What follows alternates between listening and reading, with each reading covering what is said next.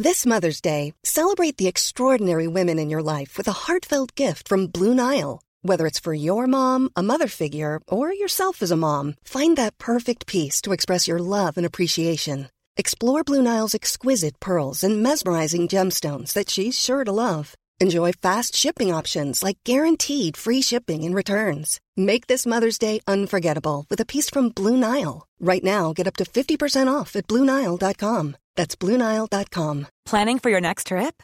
Elevate your travel style with Quince. Quince has all the jet setting essentials you'll want for your next getaway, like European linen, premium luggage options, buttery soft Italian leather bags, and so much more. And is all priced at 50 to 80% less than similar brands.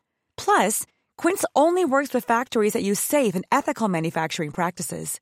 Pack your bags with high-quality essentials you'll be wearing for vacations to come with Quince. Go to quince.com slash pack for free shipping and 365-day returns. Hey there, it's Michelle Norris. I'm host of a podcast called Your Mama's Kitchen. When I travel, I'm usually looking for a way to find a taste of home when I'm not at home. And one of the things I love to do when I am at home is entertain. And Airbnb allows me to do that. When I was in California recently, I rented a house that had a great kitchen. And when we were sitting around the table, we we're all thinking, we're in someone else's house. Someone could be in all of our homes as well. If you have a home, but you're not always at home, you have an Airbnb. Your home might be worth more than you think. Find out how much at airbnb.com slash host. Palmemordet Mark Pennarts del 2 Sveriges statsminister Olof Palme är död. 90 000. Ja, det är mord på Sveavägen. Hörde de säger att det är Palme som är skjuten. Mordvapnet med säkerhet är en Smith Wesson, en revolver kaliber .357. Inte ett svar. Finns inte ett svar. För jag har inget. Och jag har inte varit Varför skulle jag göra Polisen söker en man i 35 till 40-årsåldern med mörkt hår och lång mörk rock. Välkomna till podden Palmemordet som idag görs av mig, Tobias Henriksson på PRS Media. När det här spelas in har vi precis passerat årsdagen för mordet på Olof Palme 2021. Det innebär också att det är ganska exakt fem år sedan den här podden startade, med Dan vid spakarna. Något år senare kom även jag med i handlingen. Sedan dess har vi gjort 269 avsnitt om mordet, ett varje onsdag och inte missat en enda vecka. Det här kräver förstås såväl arbete som planering och om ni vill hjälpa oss att kunna lägga ned lika mycket tid på podden som alltid så går det utmärkt att sponsra oss. Det här gör du lättast via patreon.com palmemordet där du kan skänka en summa som podden får per publicerat avsnitt. Det är alltså patreon.com palmemordet. Du kan också donera via Swish och nytt för i år är att du hittar numret direkt i avsnittsbeskrivningen. Om du swishar oss, märk ditt bidrag med Palmemordet så att Dan kan hålla ordning på vilken podd det är som avses. Vi vill också göra er uppmärksamma på att det den 28 februari 2021 släpptes en artikel på DN Debatt där ett stort antal tidigare utredare, spaningsledare, granskare, journalister och författare kräver att man öppnar utredningen igen.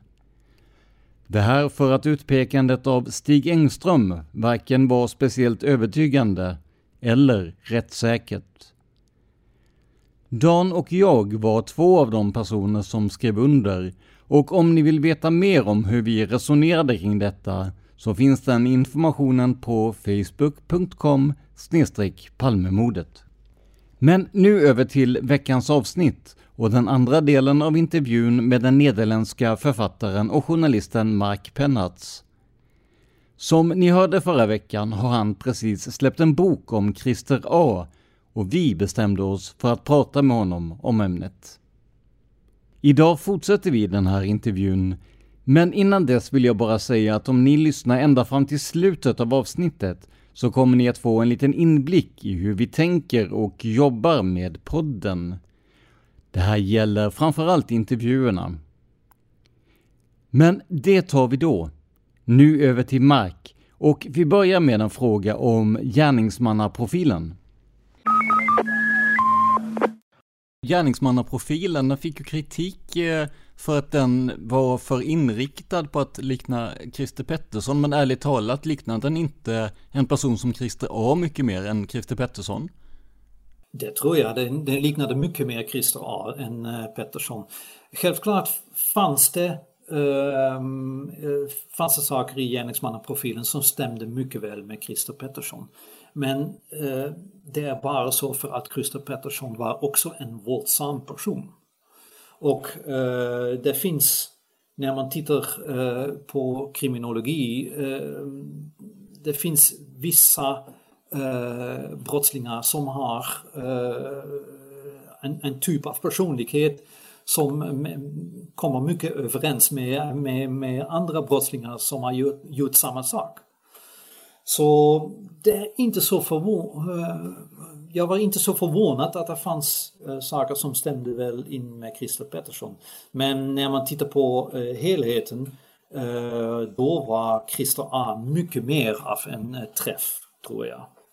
Du pratade ju om, om vapnet också. Har du någon som helst teori om var, var Christer A's vapen kan ha tagit vägen oavsett om det var vapnet som mördaren använde eller inte? Ja, det finns... Den stora grejen med vapnet är var ska man börja leta efter den, den här äh, grejen.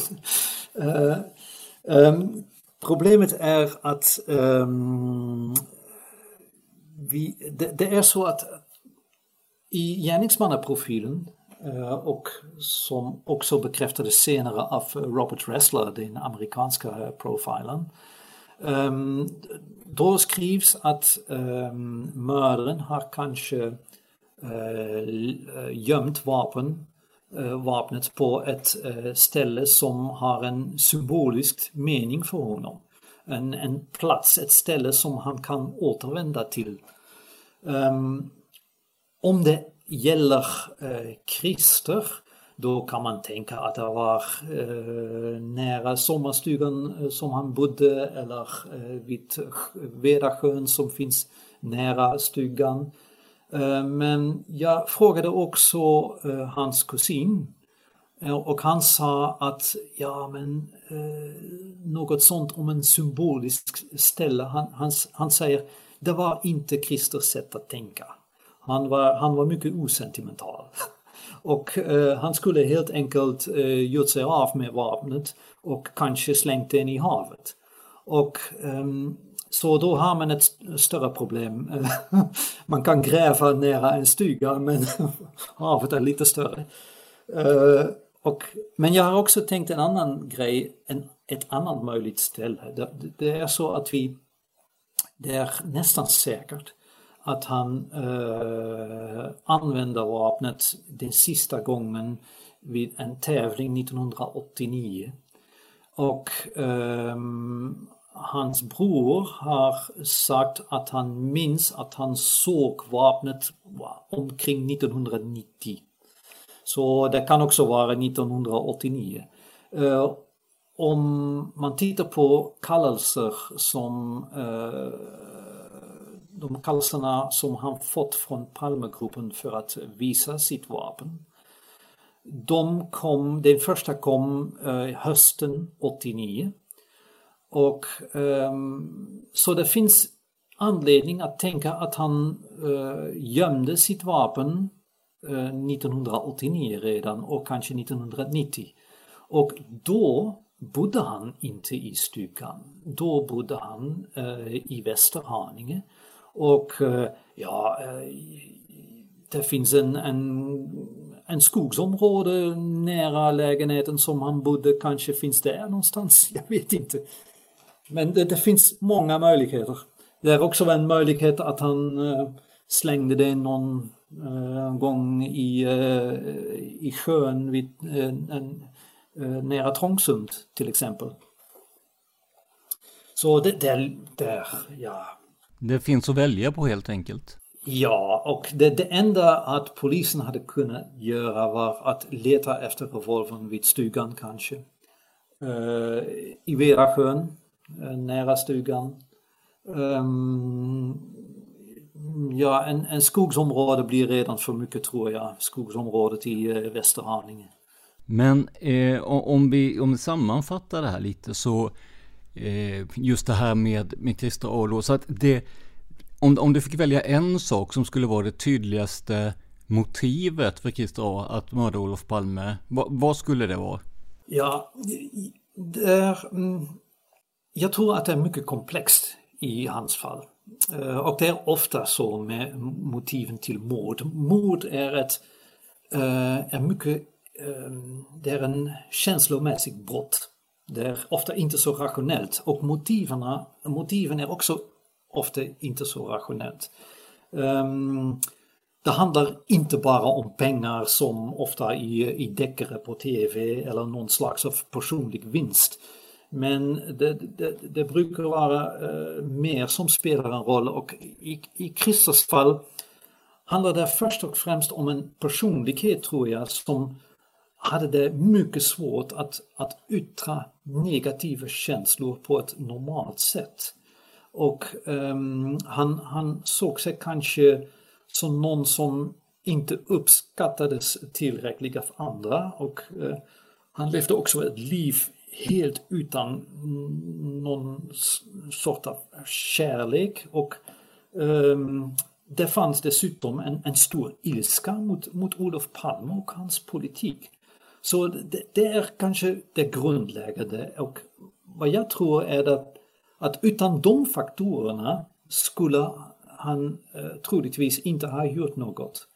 Um, men jag tror att, den, att, att skattehöjningen som eh, ledde till eh, börskraschen den eh, 27 eh, februari, det var kanske något som, som funkade som en sorts trigger. Ehm, det var också eh, droppen som kom bägaren att rinna över. Eh, så det, det var det är så att, att börskraschen eh, gjorde honom inte helt pank. Det är, han, han förlorade pengar, men inte alla. Men jag kan tänka mig att nyheten om skattehöjningen gjorde honom mycket arg. Och det var en gång för mycket tror jag, att han blev arg. Har, har du haft eh, någon kontakt med Palmeutredningen så länge den nu fanns kvar så att säga? Vi fick ju ett officiellt avslut på den förra året. Men hade du någon kontakt med Palmeutredningen? Jag tänker vi hade ju till exempel eh, Lennart Gustafsson som var väldigt eh, inne på att det skulle vara eh, Christer A som var mördaren. Ja, jag försökte att uh, ha kontakt med Lennart Gustafsson. Eh, men uh, det gjorde jag genom Paul som känner, Paul Smith som känner Lennart eh, mycket väl. Ehm, jag hade kontakt med utredningen innan den första boken. Och, men det handlade då också om att kontrollera vissa uppgifter som jag hade. Och ehm, för den nya boken, ehm, jag hade inte ens planerat att skriva boken innan presskonferensen eh, i fjol. Och eh, så då, efter presskonferensen när jag bestämde mig för att skriva boken då hade jag bara kontakt för, för att begära ut handlingarna och eh, eh, innan dess var de hemligstämplade så, eh, och då fanns det överhuvudtaget hade utredare eh, inte möjligheten att, att säga något om Christer. Kanske bara Lennart Gustafsson eftersom han eh, gick i pension. Men innan vi går in på det här just med nedläggningen av utredningen eh, så tänkte jag på eh, just det här med att det kommit ut nya dokument och filer. Är det någonting där som du känner har varit lite extra spännande? Har du hittat någonting i, i den här massiva floran av, eh, av dokument som, ja, men som stärker din tes? Um, flera saker som jag redan sagt om, om Christer, till exempel att han uh, ja, han, han bröt med vissa rutiner efter, strax efter mordet.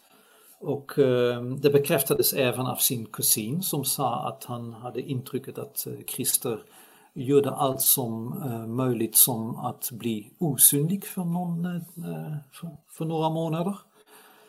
Um, det var mycket intressant trodde jag i, um, ja, så vitt jag vet har jag fått allt uh, om Christer uh, som finns i Palmeutredningen.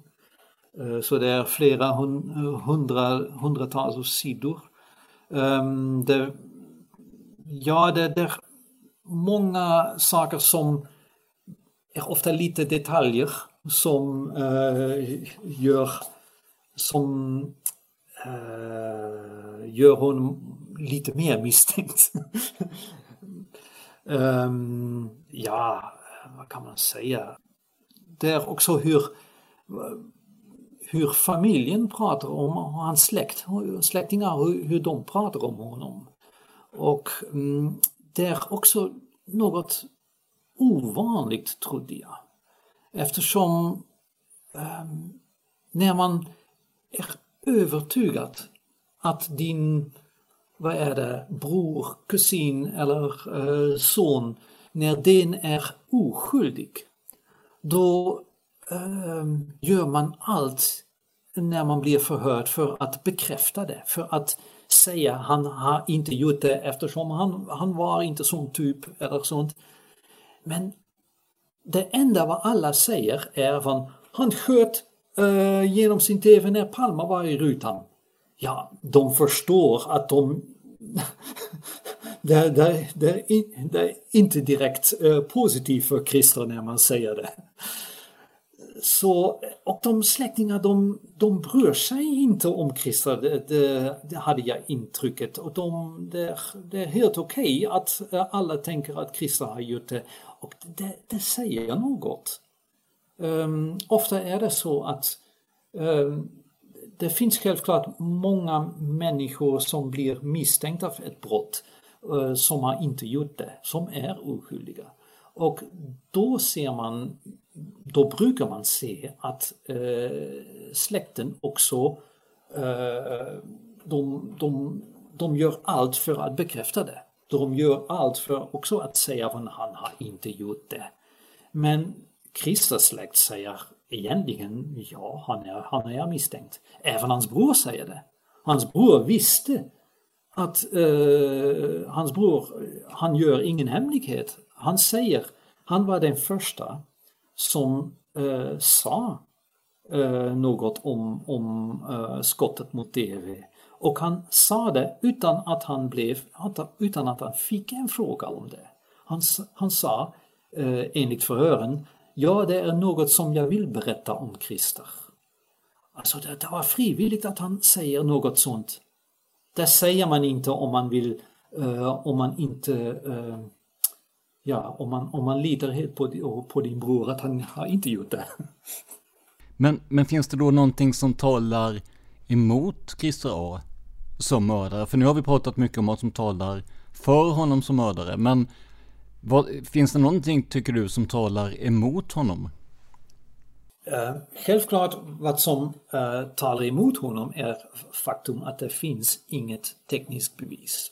Um, men då kan man säga att eh, det beror helt på att han gjorde sig av med revolvern. Så eh, bristen på tekniskt bevis beror på Christer själv. Um, det finns också, jag vet att uh, vissa som uh, tror inte på Christer säger att han, uh, man kan inte knyta honom till mordplatsen. Um, men jag tror att det är um, resonemanget stämmer inte. Uh, det är så, han kan inte bli knuten till mordplatsen eftersom det finns inget vittne som aldrig blev konfronterat med honom. Så hur, hur kan man känna igen någon om man inte får uh, se hans, hans bild eller honom uh, i, i livet? Så så det, det håller inte. Det finns Eh, dessutom eh, fakta att han, han kände stället mycket väl, ah, han bodde in i, eh, i området. Alltså, och hans beskrivning matchar. Och han hade det, det revolvern så då kan man säga han blev inte igenkänd kanske. Men det är bara så för att ingen frågade. Att, det, det, är bara en person som blev igenkänd där utanför vittnena och det var Christer Pettersson. Men vi vet att naja, de flesta tror i alla fall att det var inte Christer Pettersson. Så om man, det resonemanget, det, det förstår jag inte. Så, um, men ja, det finns ingenting som, som talar emot honom. Det, är bara så att ja, revolvern saknas och det talar emot honom. men, det, men det beror på Christer själv.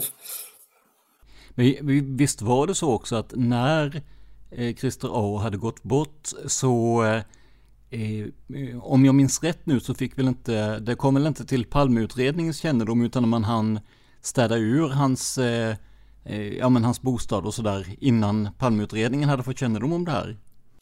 Ja, det, det stämmer. Han eh, tog livet av sig eh, i augusti eh, 2008 och det var först i november eller december när Palmeutredningen eh, hörde om det. Och eh, så det var mycket, eh, det var tre månader senare. Och då hade eh, brorsan redan eh, städat lägenheten och eh, ja, då kanske bodde någon annan där redan. Så eh, det, var, det var för sent. Jag, jag förstår inte, ja, problemet var kanske att eh, utanför Palmegruppen fanns ingen inom polisen som visste att Krista var misstänkt för eh, Palmemordet. Och eh, de polisen, eh, polisen som, Eh, poliserna som, som kom på eh, plats när han tog sitt liv, de, för dem var det bara en Christer med ett vanligt svenskt efternamn. Så ja, det, och det var klart, det var helt tydligt att han hade uh, gjort självmord så det, det fanns ingen grund för, att, uh, uh, för en husrannsakan. För, för det ska vi säga, det har ju varit, jag vet inte om det är, om det har varit otydligt om det är tidigare, men det var ju inga poliser som överhuvudtaget hade någonting med Palmeutredningen att göra som var där, utan det var ju ordningspoliser som var där för just för att brodern var orolig för, för Christer, eller hur? Ja, det var eh, två ordningspoliser från, eh, från Huddinge. Och ehm, ja, det, det finns i eh, utredningsmaterialet finns allt om, om självmord. Man kan läsa hela rapporten. Um, och eh, ja, det är helt klart, de, för dem var det en helt vanlig uh, person, uh, Christer, och de visste inte att, att han var misstänkt för Palmemordet. Men en som kom att bli misstänkt för Palmemordet den 10 juni var det väl 2020, det var ju Eh, Stig Engström, den så kallade Skandiamannen där. Alltså, vad tycker du om det här avslutet på utredningen och vad tycker du om att Stig Engström pekades ut? Ehm, det var en stor besvikelse kan man väl säga. Ehm, jag tittar på sånt, ehm, jag försöker att, att, eh, att, att, att, titta på eh, en utredning som, som som, om, om en mord, på en mordutredning på ett mycket eh, logiskt sätt. Och hade de kommit med bevis, till exempel ett vapen eller DNA som knyter eh, Engström till mordet, då hade jag väl accepterat att det var Engström och inte Christer. Eh, men de hade ingenting. Och ja, det, det var en... De hade faktiskt ingenting nytt som inte var känt strax efter mordet. Så det var en, eh, en antiklimax. If you're looking for plump lips that last, you need to know about Juvederm lip fillers. With Juvederm Volbella XC and Juvederm Ultra XC, your lip look, whether it's subtle or bold, can last up to one full year with optimal treatment and no additional maintenance. Find a licensed specialist and see if it's right for you at juvederm.com today. That's J U V E D E R M.com. Add fullness to lips in adults over 21 with Juvederm Volbella XC or Juvederm Ultra XC. Do not use if you have severe allergies or a history of severe allergic reactions, or if you're allergic to lidocaine or the proteins used in Juvederm. Tell your doctor if you have a history of scarring or taking medicines that decrease the body's immune response or that can prolong bleeding. Common side effects include injection site redness, swelling, pain, tenderness, firmness, lumps, bumps, bruising, discoloration, or itching. As with all fillers, there's a rare risk of unintentional injection into a blood vessel, which can cause vision abnormalities, blindness, stroke, temporary scabs, or scarring. For full important safety information, visit juvederm.com. Hey, I'm Ryan Reynolds. At Mint Mobile, we like to do the opposite of what Big Wireless does. They charge you a lot, we charge you a little. So naturally, when they announced they'd be raising their prices due to inflation, we decided to deflate our prices due to not hating you. That's right. We're cutting the price of Mint Unlimited from $30 a month to just $15 a month. Give it a try at mintmobile.com slash switch. $45 upfront for three months plus taxes and fees. Promote for new customers for limited time. Unlimited more than 40 gigabytes per month. Slows. Full terms at mintmobile.com. If you're looking for plump lips that last, you need to know about Juvederm lip fillers. With Juvederm Volbella XC and Juvederm Ultra XC, your lip look, whether it's subtle or bold, can last up to one full year with optimal treatment and no additional maintenance. Find a licensed specialist and see if it's right for you at juvederm.com today. That's J U V E D E R M.com. Add fullness to lips in adults over 21 with Juvederm Volbella XC or Juvederm Ultra XC. Do not use if you have severe allergies or a history of severe allergic reactions, or if you're allergic to lidocaine or the proteins used in Juvederm. Tell your doctor if you have a history of scarring or taking medicines that decrease the body's immune response or that can prolong bleeding. Common side effects include injection site redness, swelling, pain, tenderness, firmness, lumps, bumps, bruising, discoloration, or itching. As with all fillers, there's a rare risk of unintentional injection into a blood vessel, which can cause vision abnormalities, blindness, stroke, temporary scabs, or scarring. For full important safety information, visit juvederm.com. Tycker du att, säg nu att det hade varit eh, Christer Arman hade presenterat, det är också en, en avliden person, det är också en, en ensam eh, gärningsman i sådana fall. Eh, hade, det, hade det varit rätt att peka ut honom med, med ja, men namn och bild ungefär som man gjorde med, med Stig Engström? Vad tycker du om den biten? För det är ju ändå vaga indicier i åtminstone Stig Engström-fallet. Ja, man, man, men det, det, finns även en, en uh, stor skillnad tror jag mellan uh, Christer och, uh, och Stig Engström. vid Engström, då fanns inget vapen. Det fanns inget tydligt motiv. Palme kritiska kretsar, men vad säger det, det är 50% av svenskarna.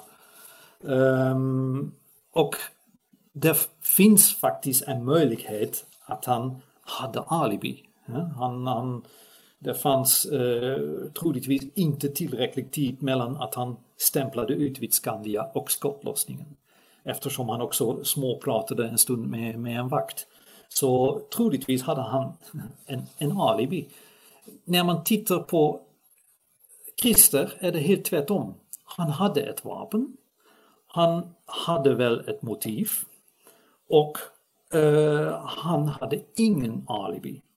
Så om man hade presenterat Christer, om, hade, om man hade utpekat honom, då var det i alla fall lite rimligare, lite mer rimligt än eh, att peka ut eh, Stig Engström tror jag. Även om jag tror om man vill lägga ner en utredning då ska man ha någon sorts bevis. Så även i Christer Ars fall Eh, Eh, kunde man bara säga att han är den sannolika mördaren om man hade pekat ut honom. Men, men just det här med, det har kommit kritik i svensk press mot att det, det var ingen som försvarade den här utpekade personen. För i och med att han själv var avliden och inte gärna kunde försvara sig. Och då, då borde man kanske inte heller gått ut med, med namn utan man hade kunnat nöja sig med att säga att ett vittne på platsen som kallas Skandiamannen eller något sånt där. Är det något du håller med om eller hur känner du där? Ja, när det, när det gäller namnet då är det lite svårt eftersom eh, Stig Engström, hans namn var redan känt självklart eftersom han hade sökt eh, medierna själv eh, direkt efter mordet. Så man kan säga ja, eh, vi ska inte nämna honom men alla vet att han heter Stig Engström så det, det gör kanske ingen stor skillnad.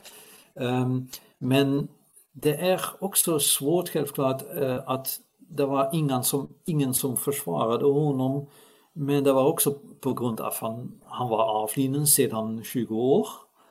Och uh, som vi eh, pratade om tidigare uh, är det också något svårt för, för, för familjen att, att prata om sånt.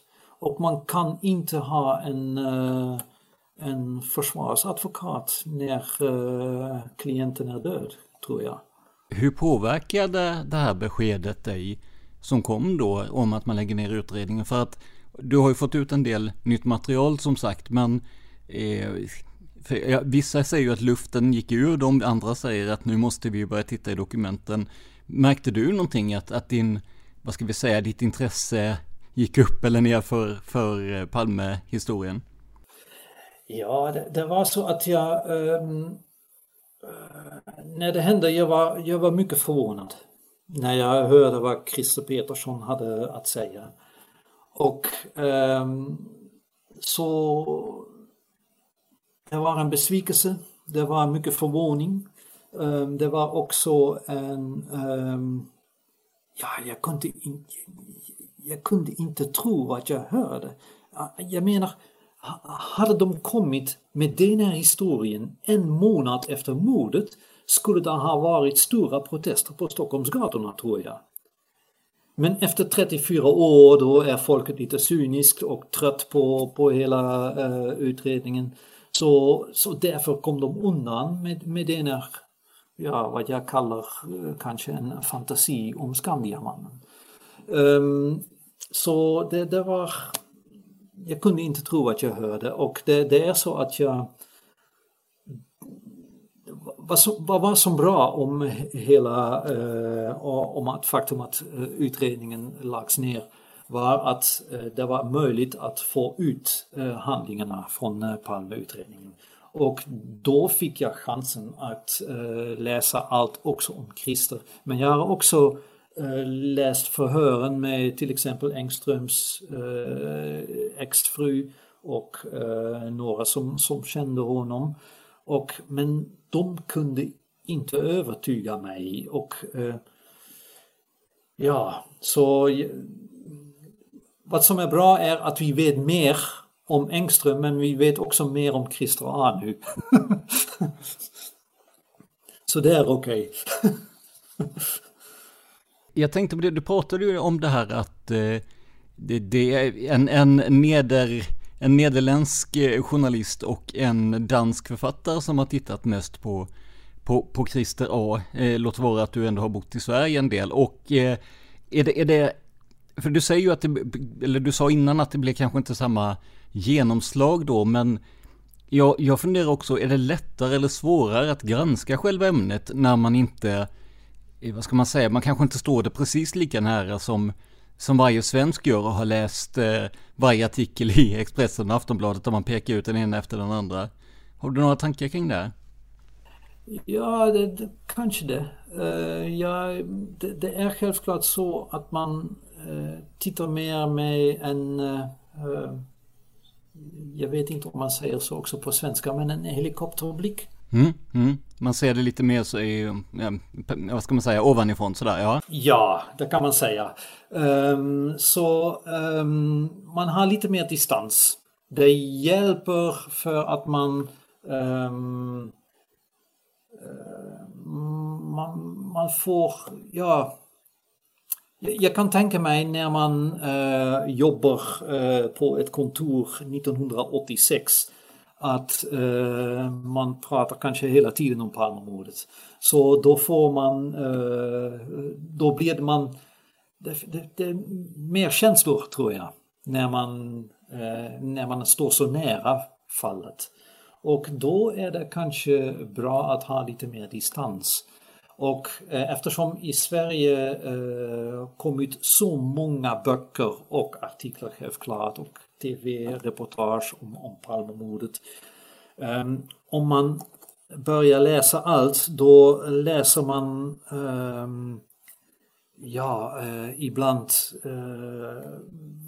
ja, de, de otroliga berättelser när, jag, när jag tänker på böcker som eh, Lars Krantz skrev eller eh, några av de eh, senare böcker som, som Sven Anér skrev jag vill inte säga något negativt om dem som person men, men böckerna de, det var ofta ja, ehm, mycket spekulation och ibland noll fakta. Så det är det, det hjälper när man har lite distans på det tror jag. man, man hamnar inte i det här, vad ska man säga, eh, tunnelseende brukar man ju prata om, att man bara ser sitt favoritspår? Ja, jag har försökt att, att inte göra sånt. Eh, det var därför också när jag skrev min första bok. Min första bok handlar inte om Christer, det är bara ett kapitel i uh, min första bok. Jag har också kapit eh, en kapitel om, om Christer Pettersson, om PKK och, och polisspåret och så vidare. Och eh, mm, så jag försökte då att, att undvika tunnelseende, även om jag redan då hade känslan att, att Christer är det mest troliga, eh, trolig, är det troligaste spår. Um, men um, det, det, så det, det, är svårt att undvika det men det, det, kan jag tänka mig ja. Men jag har försökt att undvika det. Eh, men ja nu eh, berättelsen om PKK har, eh, det, det, är känt och det finns ingenting nytt att berätta om det tror jag. Detsamma med Christer Pettersson. Och på senare tid var det bara Stig Engström som, ja, som, som man började prata om efter de böcker som Lars Larsson och eh, Thomas Pettersson skrev. Och, ehm, ja, och det fanns fortfarande Christer eftersom det var det bara för fem år sedan att den dåvarande spaningsledaren Dag Andersson eh, pratade om Christer vid presskonferensen. Han, han talade faktiskt eh, hans, eh, hans, han sa faktiskt hans efternamn då. Och ehm, så Christer var fortfarande aktuellt då. Men efter presskonferensen då eh, förändrade eh, utredningsgruppen nästan helt. Och de fick eh, nya unga människor som, gjorde, som, som började utreda fallet och Christer Petersson kom. Och eh, det, det har eh, förändrat mycket tror jag eftersom då fanns det bara Stig Engström. Vi fick ju eh, förmånen att prata med Christer Petersson i samband med presskonferensen i en intervju. Och där sa ju han att bland annat Sydafrika och Christer A. Var spår som, som följde med långt in i utredningen innan man då tyckte att det fanns mer att presentera om Stig Engström. Så att det verkar som att bland annat Christer A. har funnits med ända fram till förra året. I alla fall i, i någon slags mental mening. Ja, det, det, är så också om man tittar på utredningsmaterialet då eh, ser man att man, det finns vissa eh, eh, protokoll från 2019 om Christer eh, Till exempel att han skulle ha erkänt mordet mot eh, kusinen. Eh, men om man ser de där protokollen, de är mycket kortare, kortfattade än de gamla, de, eh, gamla promemorian som de skrev om, om, om Christer A tidigare. Um, när man läser det, de, de utredarna de um, åkte till västkusten för att förhöra kusinen och de kom tillbaka med fyra rad förhörsmaterial. Fyra rader förhörsmaterial? Jag, jag pratade med kusinen några timmar och då hade jag lite mer kan jag berätta dig. Och det, det, det verkar så att uh, de var lite, de var inte längre så, så intresserade tror jag. Kanske de hade då också uh, ett problem med tunnelseende, att de, de såg Skandiamannen och um, när de hörde om Christer, okej okay, när man hör sånt om ett erkännande, uh, man måste då kolla upp det, det förstår jag.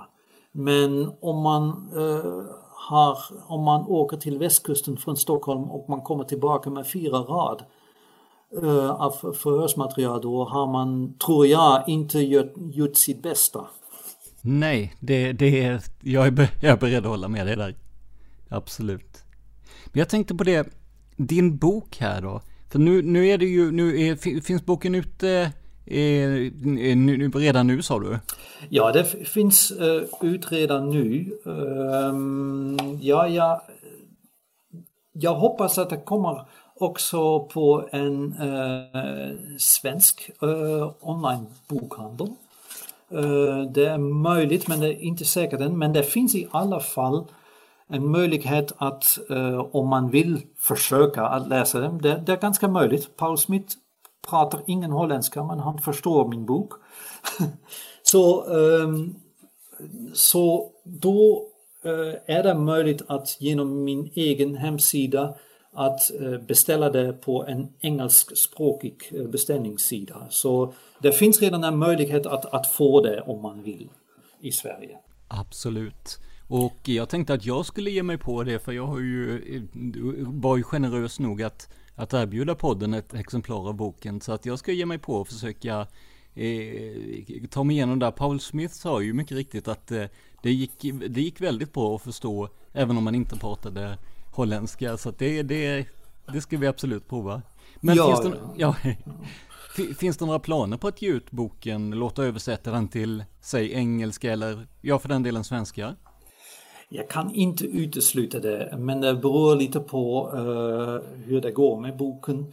Um, det, det, är också um, att göra en översättning, det, det, kostar, det kostar mycket pengar. Och uh, så det, det, det, är en sak som, som är viktig då. Så um, jag skulle gärna göra det och det finns redan uh, många som har frågat mig.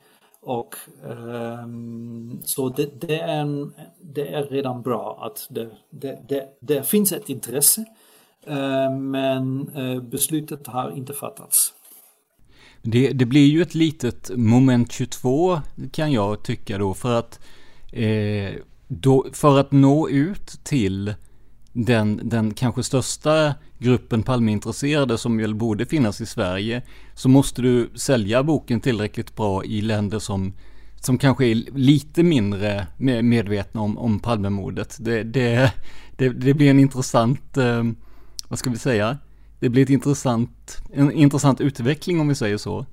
Ja, det är också en eh, grund varför, eh, grunden varför jag också tvivlar om jag ska göra det kanske på svenska eller på engelska eftersom om jag gör det på engelska då har jag även lite mer. Eh, de flesta eh, svenskar, svenskar är mycket bra på engelska så de kan läsa boken då med. Men då finns det också ett engelskspråkigt publik och jag vet att Ja, självklart eh, är de flesta i, eh, som är intresserade i ämnet är, eh, finns i, i Sverige men det är också till exempel i, i USA som många som är intresserade av det. Det, det fanns redan strax efter mordet några engelska, engelska böcker om det. Just det, absolut. Ja, vad, vad spännande. Vi hoppas ju verkligen på det. Jag fick frågan nämligen när, för det var ju så här att du och jag hade ju mm, Ja, vi hade ju bokat att vi skulle pratas för, eh, vad var det, någon eller några veckor sedan här. Och så kom ju den här eh, kusinen till, eh, till, till Christer eh, och så fick vi skjuta lite på det. Så att då, då hann jag få in en fråga från eh, lyssnarna just om boken kommer på ja, men, svenska eller engelska. Då vet vi ju det att, att eh, mm, kanske, kanske om det, om, det, om det går bra för den i originalutgåva så att säga då. Ja, um, om det är en översättare som eh, talar holländska och som lyssnar nu, de, de får ringa mig. ja, vi, jag vet att vi har, vi har lyssnare i Norge och eh, Danmark och Finland också, men eh, ja, vi, vi, vi, slänger ut frågan. Känner ni någon som är bra på eh, holländska i tal och skrift och kan översätta till engelska så bara då får ni höra av er så har jag kontaktuppgifterna till Mark här. Ja. Ja. Eh, innan vi avslutar här Mark, är det någonting annat som du har, har tänkt på eller som du vill eh, förmedla till lyssnarna här? Jag undrar eh, bara om det kommer något nytt. ja, eh, det, det, var så när eh, utredningen var fortfarande på gång. Då kunde man förvänta sig något. Men nu är allt lite ja, eh, vi, vi kan bara titta tillbaka, så känns det i alla fall. Um, vad jag hoppas är eh, lite av ett eh, oväntat fynd. Till exempel att eh, någon hittar uh, Kristers vapen. Även om man hittar Kristers vapen och um, det, det, det verkar så att det var inte mordvapnet, då är det viktigt att veta det. Eftersom då, då kan man ändå säga att ja, han har vilselett oss totalt. Men okej, okay, jag, jag, är beredd att acceptera det om det stämmer. Men eh, jag vet att eh, jag hade kontakt med någon som eh, en magnetfiskare som är intresserad att eh, leta efter vapnet eh, någon gång.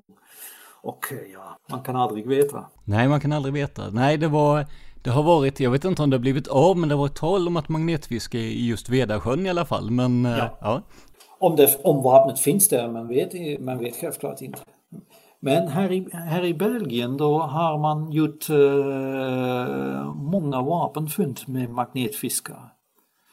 Uh, för också, uh, ja man har, uh, det, är ett, det är ganska vanligt här i Belgien att göra det. Och det är ofta framgångsrikt. Ja, ja, ja, du ser. Ja, då är det, det är det som gäller, magnetfiske och att inte ge upp helt enkelt. Så är det. Ja. Det skulle bara vara lite, inte så många sjö, sjöar i Sverige. Nej, precis. Det, det finns några att välja på, det gör det. Ja. ja. Eh, Mark Pennartz, tusen tack för att du eh, att vi fick prata med dig och att du ville vara med i podden här. Det är, jag är helt säker på att lyssnarna kommer tycka det här är superintressant. Få höra lite mer om, om Christer A. Tack, tack för inbjudan att göra det. Det var, eh, det var roligt att göra det. Och med det säger vi tack till Mark Pennartz för den här gången. Som jag lovade i början av programmet så ska ni få en liten inblick i hur vi jobbar, främst med intervjuer.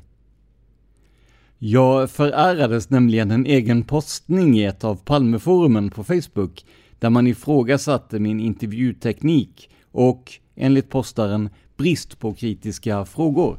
Så jag tänkte bara kort redogöra för hur Dan och jag tänker kring intervjuerna. Först ska det sägas att det såklart finns mycket jag kan bli bättre på i de här samtalen. Så har ni feedback eller kritik är det bara att skriva till mig på facebook.com palmemodet. Men redan från början har vi varit tydliga med att vi vill att personerna som intervjuas ska få en vettig möjlighet att berätta om sina upptäckter, sitt spår eller vad det nu kan vara. För mig är det enklaste sättet att göra detta att skapa ett förtroende med den man pratar med. För att på så sätt få personen att våga öppna upp sig mer om ämnet. Varken Dan eller jag skulle ha skuggan av en chans i konfrontationsjournalistik mot till exempel Janne Josefsson. Men vi känner inte heller att det är vårt uppdrag. Vi vill ge er informationen och vad ni gör med den är upp till er. Med ett stort antal avbrott för kritiska frågor riskerar vi dels att få en sämre produkt då ni inte får en sammanhängande historia, dels att vi framstår som partiska. För är vi öppet kritiska mot de som tror på Christer Pettersson-spåret så kommer vi att få kritik av dem som likt den intervjuade tror på det spåret. Samtidigt kommer vi att kritiseras för att inte vara tillräckligt ifrågasättande av de som inte tror att Pettersson kan ha varit mördaren. Samma tanke kan appliceras på alla spår.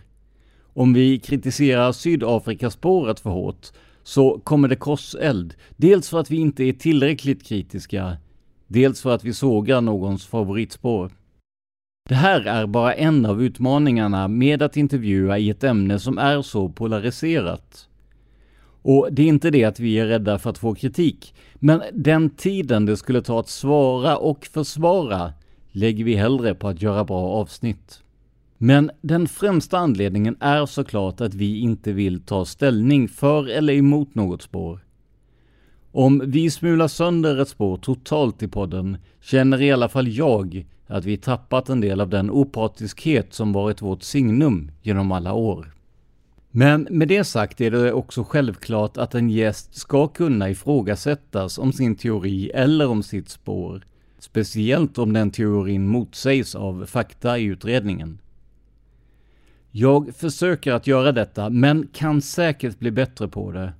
Det bästa sättet att komma med feedback kring detta är som sagt att kontakta mig via Palmemordets Facebook-sida. Men nog om det. Istället vill jag påminna er om att ni kan sponsra oss för längre avsnitt med fler spännande gäster. Alla de uppgifterna finns i avsnittsbeskrivningen.